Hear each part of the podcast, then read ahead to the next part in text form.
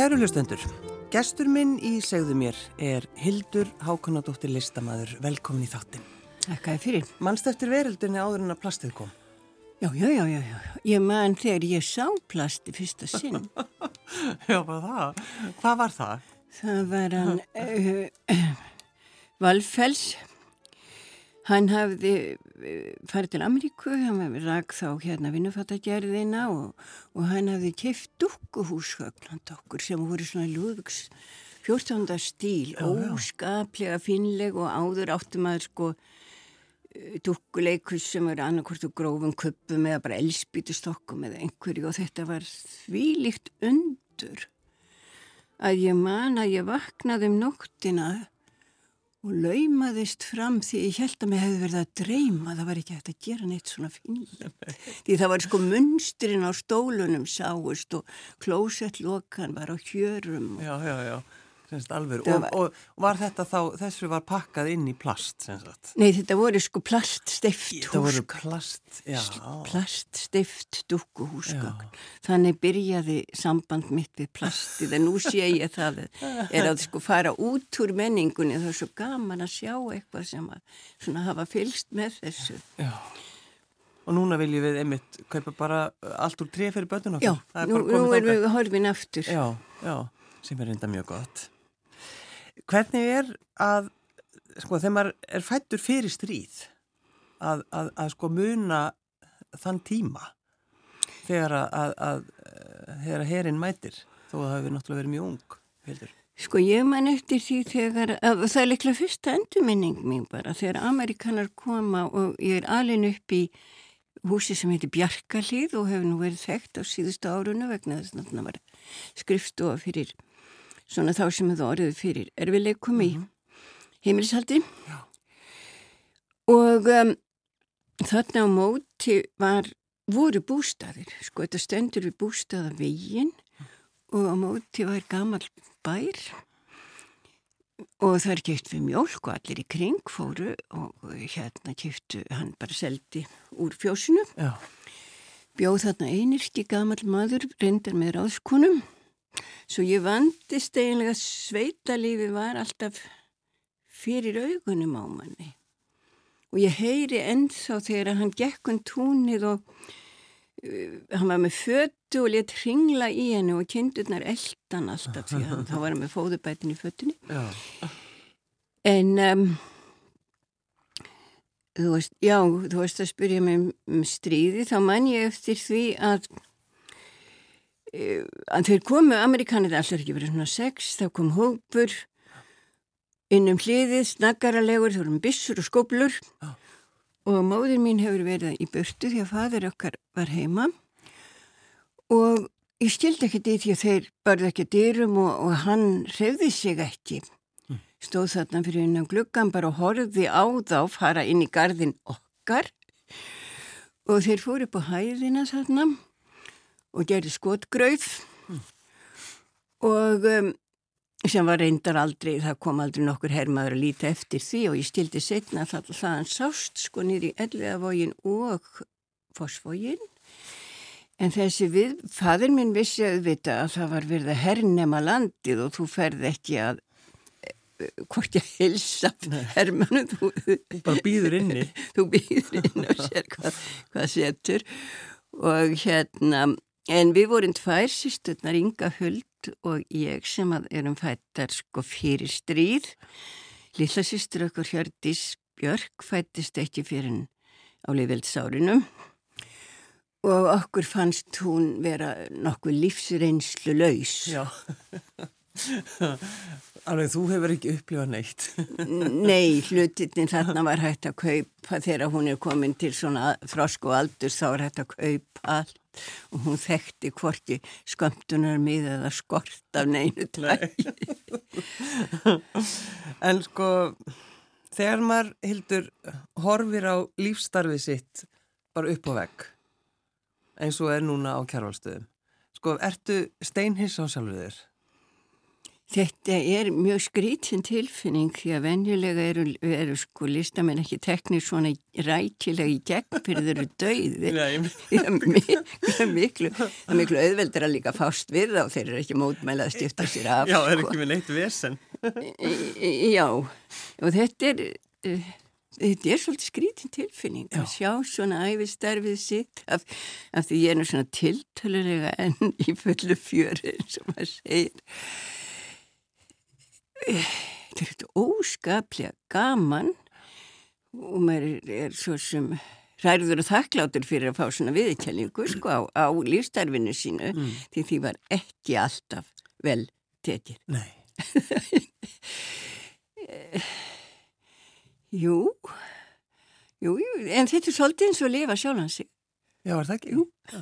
En sko þegar þú, þegar þú bara stendur fyrir framannverkið, þetta er svo mikið, þú veist, maður maður verður hálf bara, sko, ef maður ætlaði að segja við því, þú veist, hvernig listamæður ertu, þú veist, það eru ljósmyndir, það er innsetning, það er myndbansverk, tölvugjaratekningar, þú veist, það er allt, það er bara, þetta er svo mikið og þegar þú ert að lappa og, og stoppar við eitthvað verk eftir því, ertu þá, þú veist, ferður bara, ferður tilbaka, þú veist, er, er þetta svona tilfinningarlega erfitt kannski? Nei, nei, ég sko... Og allar þessar minningar? Þetta var bara alltaf voðalega gaman. bara alltaf svo skemmtileg. Já sko, neini, ég hef sjálfsagt haft eh, svona alveg minnskamt af erfileikum í lífinu líka. Mm.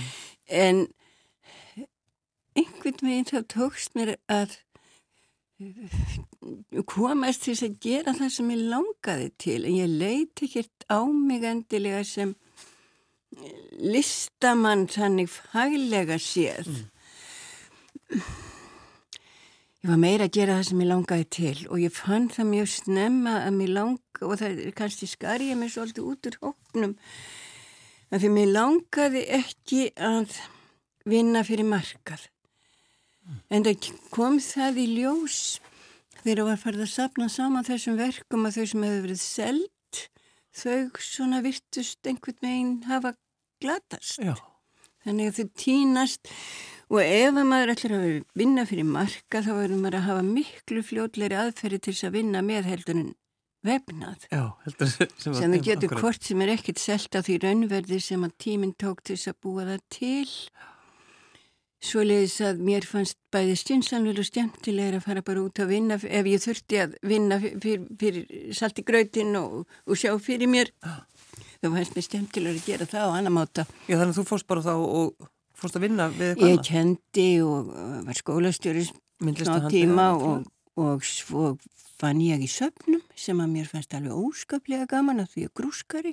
Já, þannig að já, það er sko, en þegar maður tekur svona ákvörðin, ég ætla bara ekki að vinna fyrir markaðin, þetta er svo...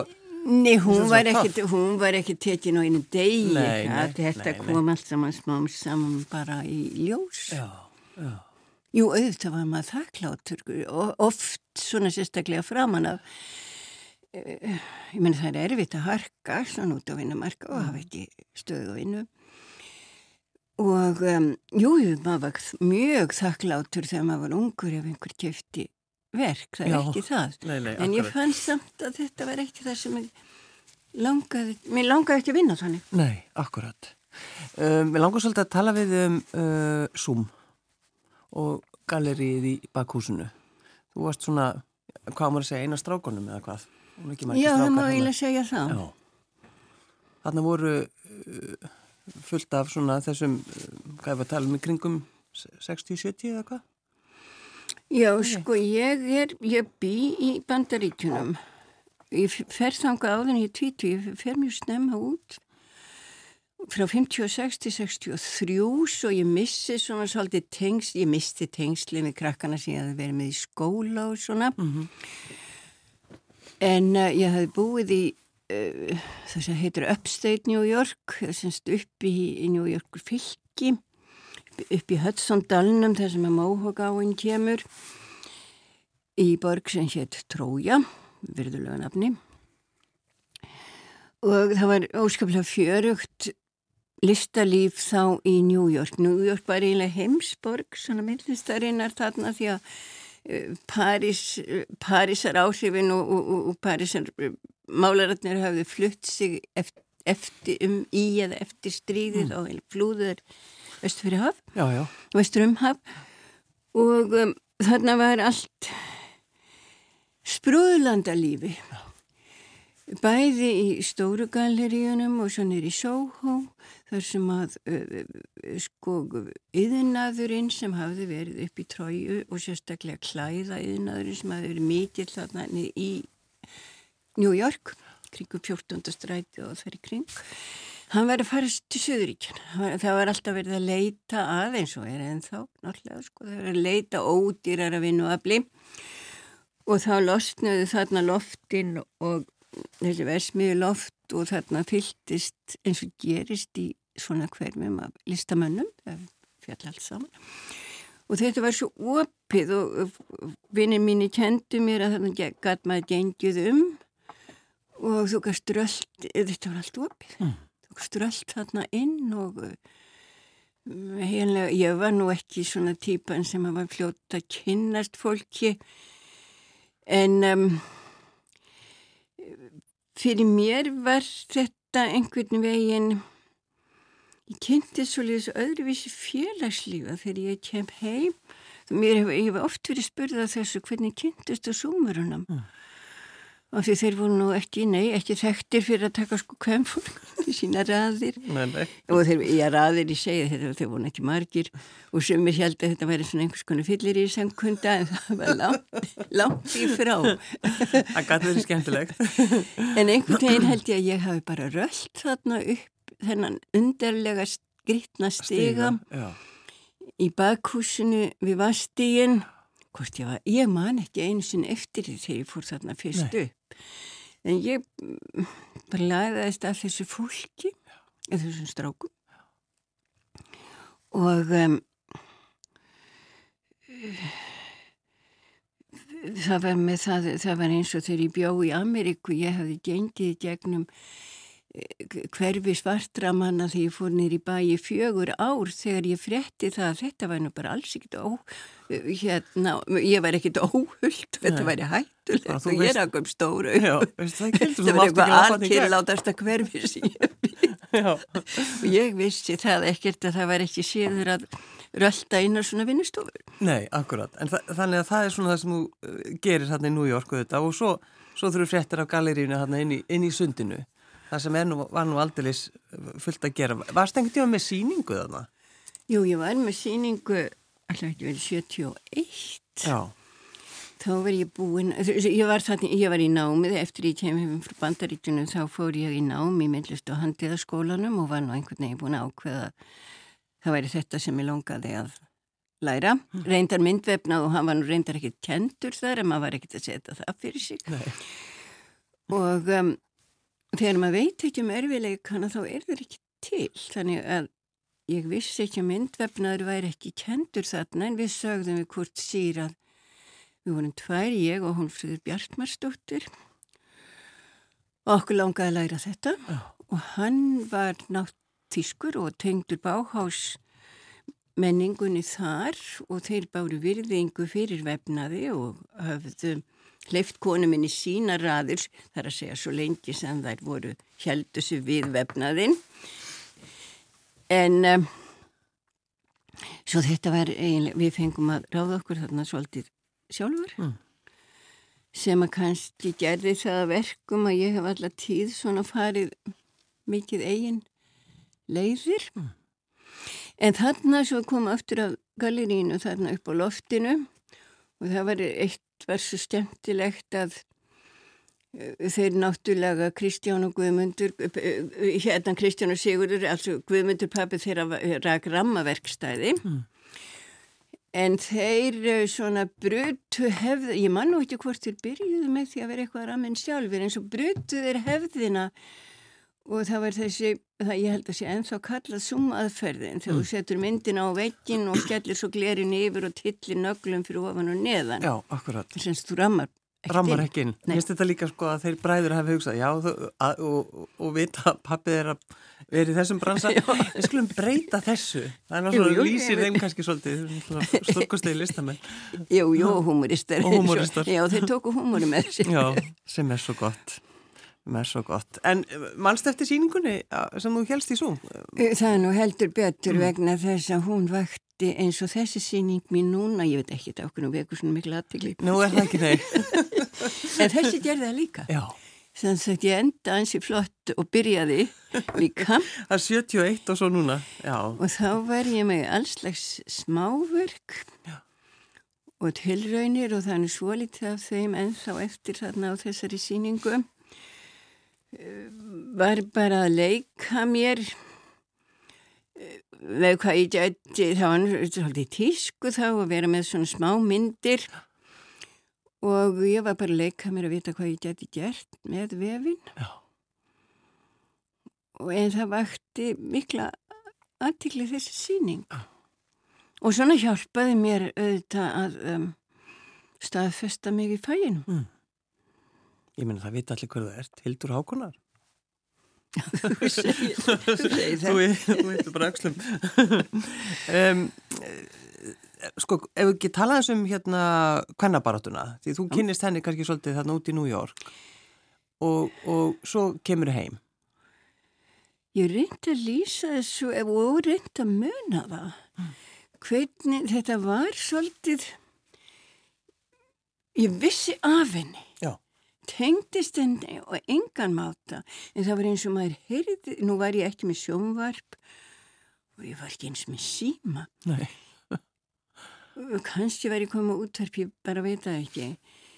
En maður heyrði þetta þetta var næstum svona eins og kvískur í skógi.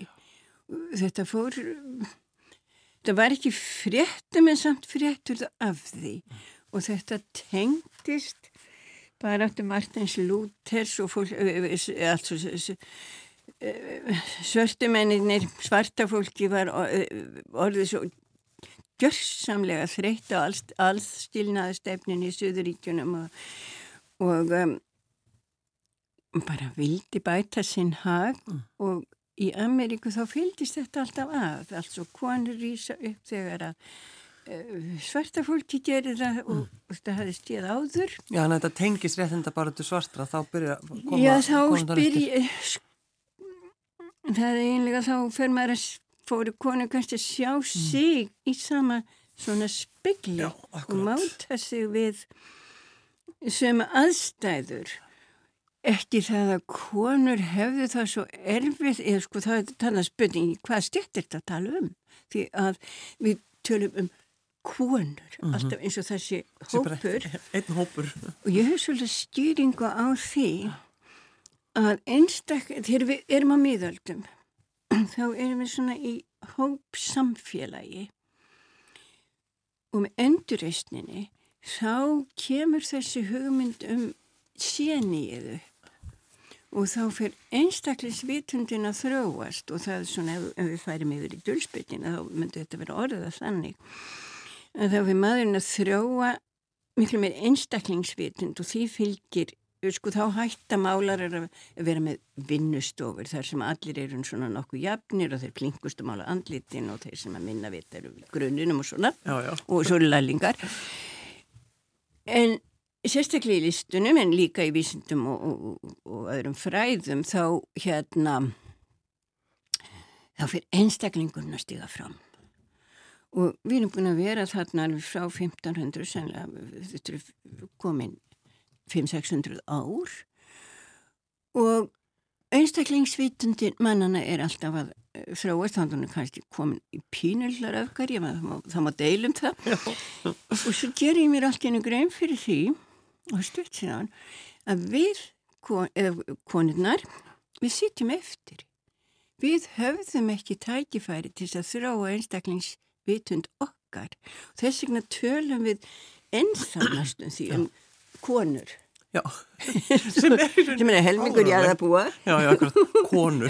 Við, sé, við séum hópur eða hópsál og ég held að það tengist þessum og ég held einmitt að erfileiki okkar, eða hvenna í dag sér sá að nú þurfum við að þróa þessa einstaklingsvitund okkar og við höfum svona 50 ár til þess sem að þeir hafðu 500 ár. Já. við máum fara, fara að herða okkur upp, má segja.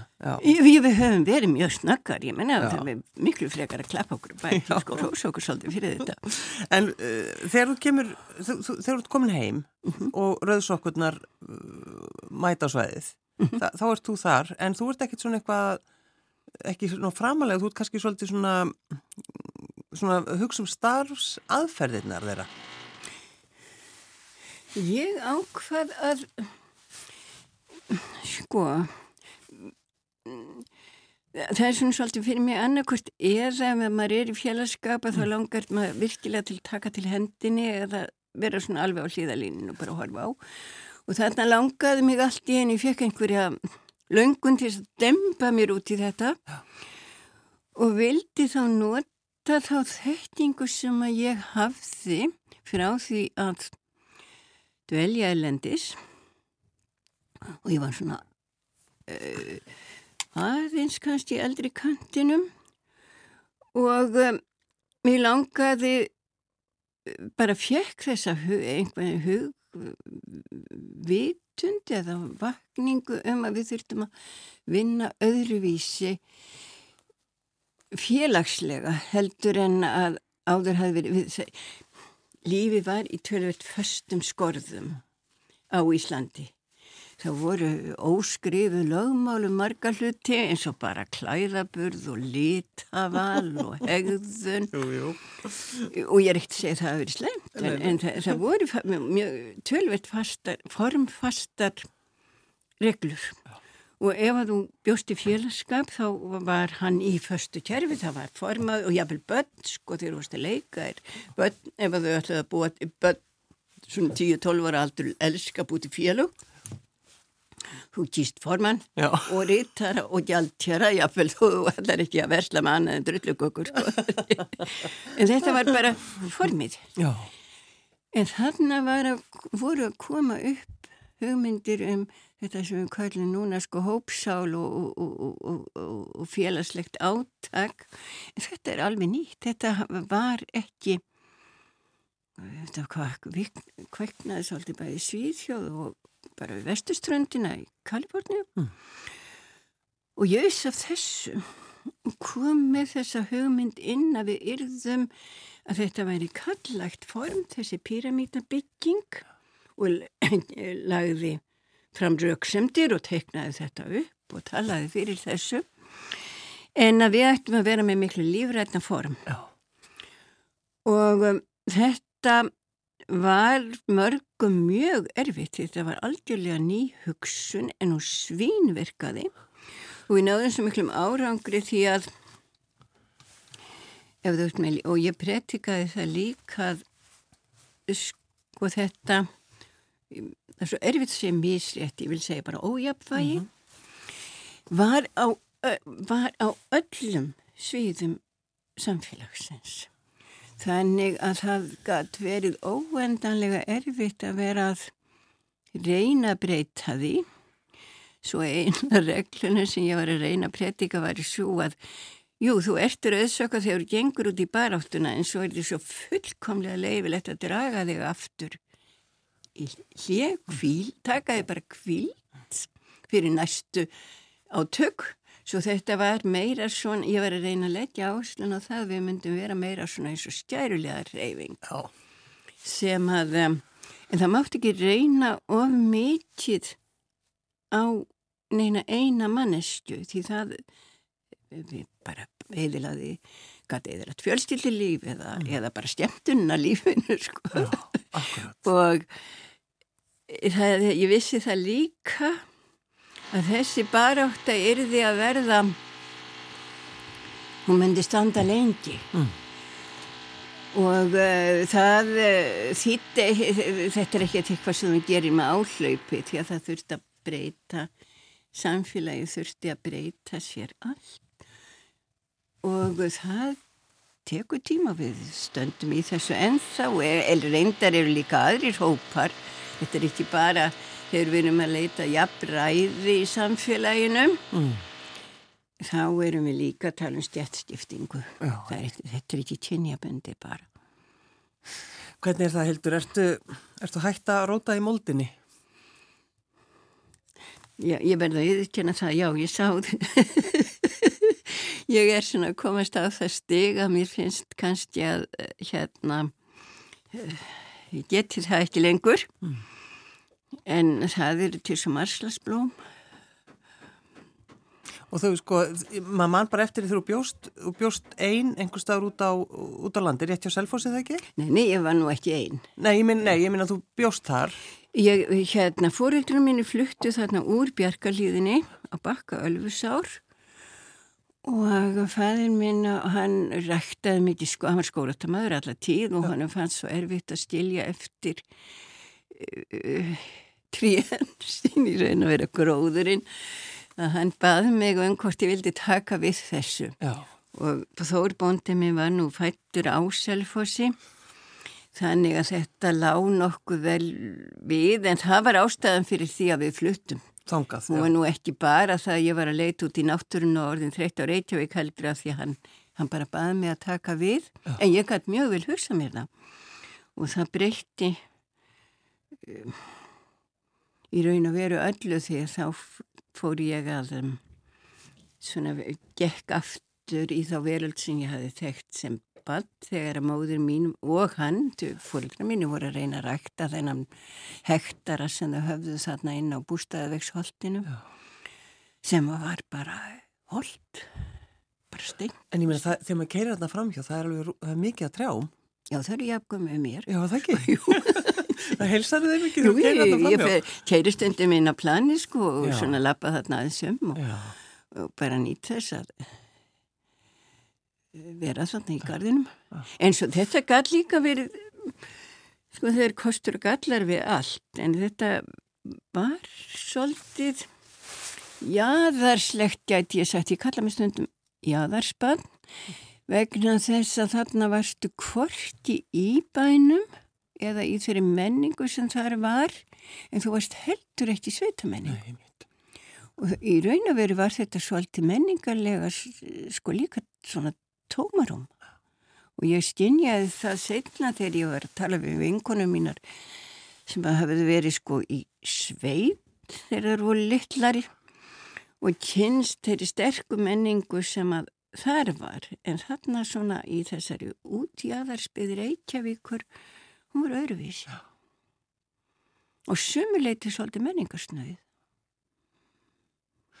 En hvernig sko þegar þú flytur uh, og, og þið farða að rækta og þú, þú náttúrulega bara skrifa strax bækur um umóldina Já, ég fór um að, sko, ég átti mjög svona ríka bensku að sumuleiti mm. því að það var mikið haldið að okkur bókum og alls slags þektingum og mér langaði svolítið já að, að, að koma þessari visku svona sem að ég fekk í, í móðurarf eða, eða foreldraarf nýður á blad, já.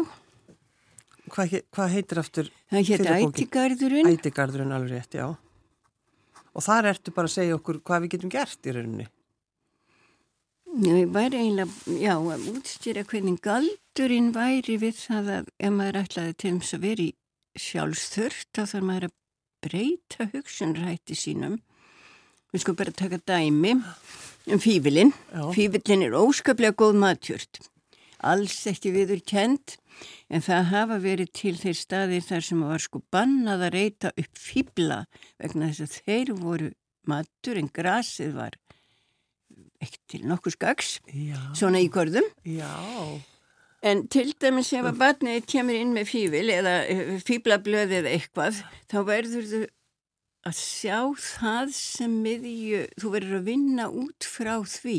Þetta er ekki eitthvað aukalega sem þú kemur með mm. matnum. Þú verður eiginlega að vinna út frá þessu ráefni sem þú týnir þér. Þú verður að hugsa örfís. Já. Og hvað hva, hva gerður við fýblablöðin? Þetta er bara salat. Þetta er bara salat, Þetta er bara mjög góð salat. Það er þetta að nota fývilina og alla mögulega máta. Þetta er einn allra besta júrtin sem við eigum en svona það er hort fram hjá henni og talaðu um hana sem illgresi. Já, það er þannig bara svolítið, þú veist. Ég fyrir einlega alltaf að gráta á vorin þarna því það fýblarnir eru stásanlegir í gravarhaldskverfinu og þegar uh, páskaliljurnar eru, þeir, þeir taka, byrju nú, hvort tekur við á eftir öðru páskaliljurnar eða fýblarnir, nú eru rugglaði eitt augnablík. Er það ekki fýblarnir sem koma eftir? Líklega, en svo kemur, og þar á eftir kemur sko Reykjavíkur í hérna borg með sláttuvélina sína Já. og slær þetta blómskrúð niður. Já.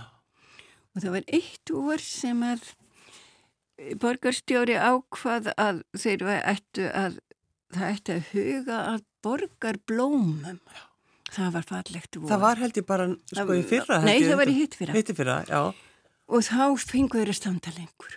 Þetta var nefnilega svo skemmtileg umræða. Ó, það var svo fall. Því það voru, hildur, það voru svo margi sem voru svo nexlaður á því ætla borgarstjórun ekkert að slá. En hinnir sáu sko ævintýrið og, og fegurðina. Nei, ég, sko, ég tárast upp á hotni því ég sé þeirra sláðu. Þú voru að segja maður hætta þessu. Ég veit ekki hvort þeir hlust á okkur. Nei, ná, nákvæmlega. Já, þetta er náttúrulega eitt af því sem er svo indislegt hvernig maður horfir, horfir á lífið. Það er svolítið þannig. Það er allstaðar. Já og það er það sem stiftir máli mm. Ertu, Hildur Hákonadóttir, enn að gera myndlist? Ertu enn að skapa? Ég er búin að hætta fjórum sín Já, hvernig gengur það? Það gengur frekar ítla, ég er að reyna. Já. Ég er enn að reyna hætta. Þannig að þú ert, ert á hverju meinsta degi, þú veist, ferða á þínu vinnustofu eða, eða veist, ég bara hugsunin? Ég hef bara aldrei átt vinnustofu. Það kemur ekki á óvart einhvern veginn.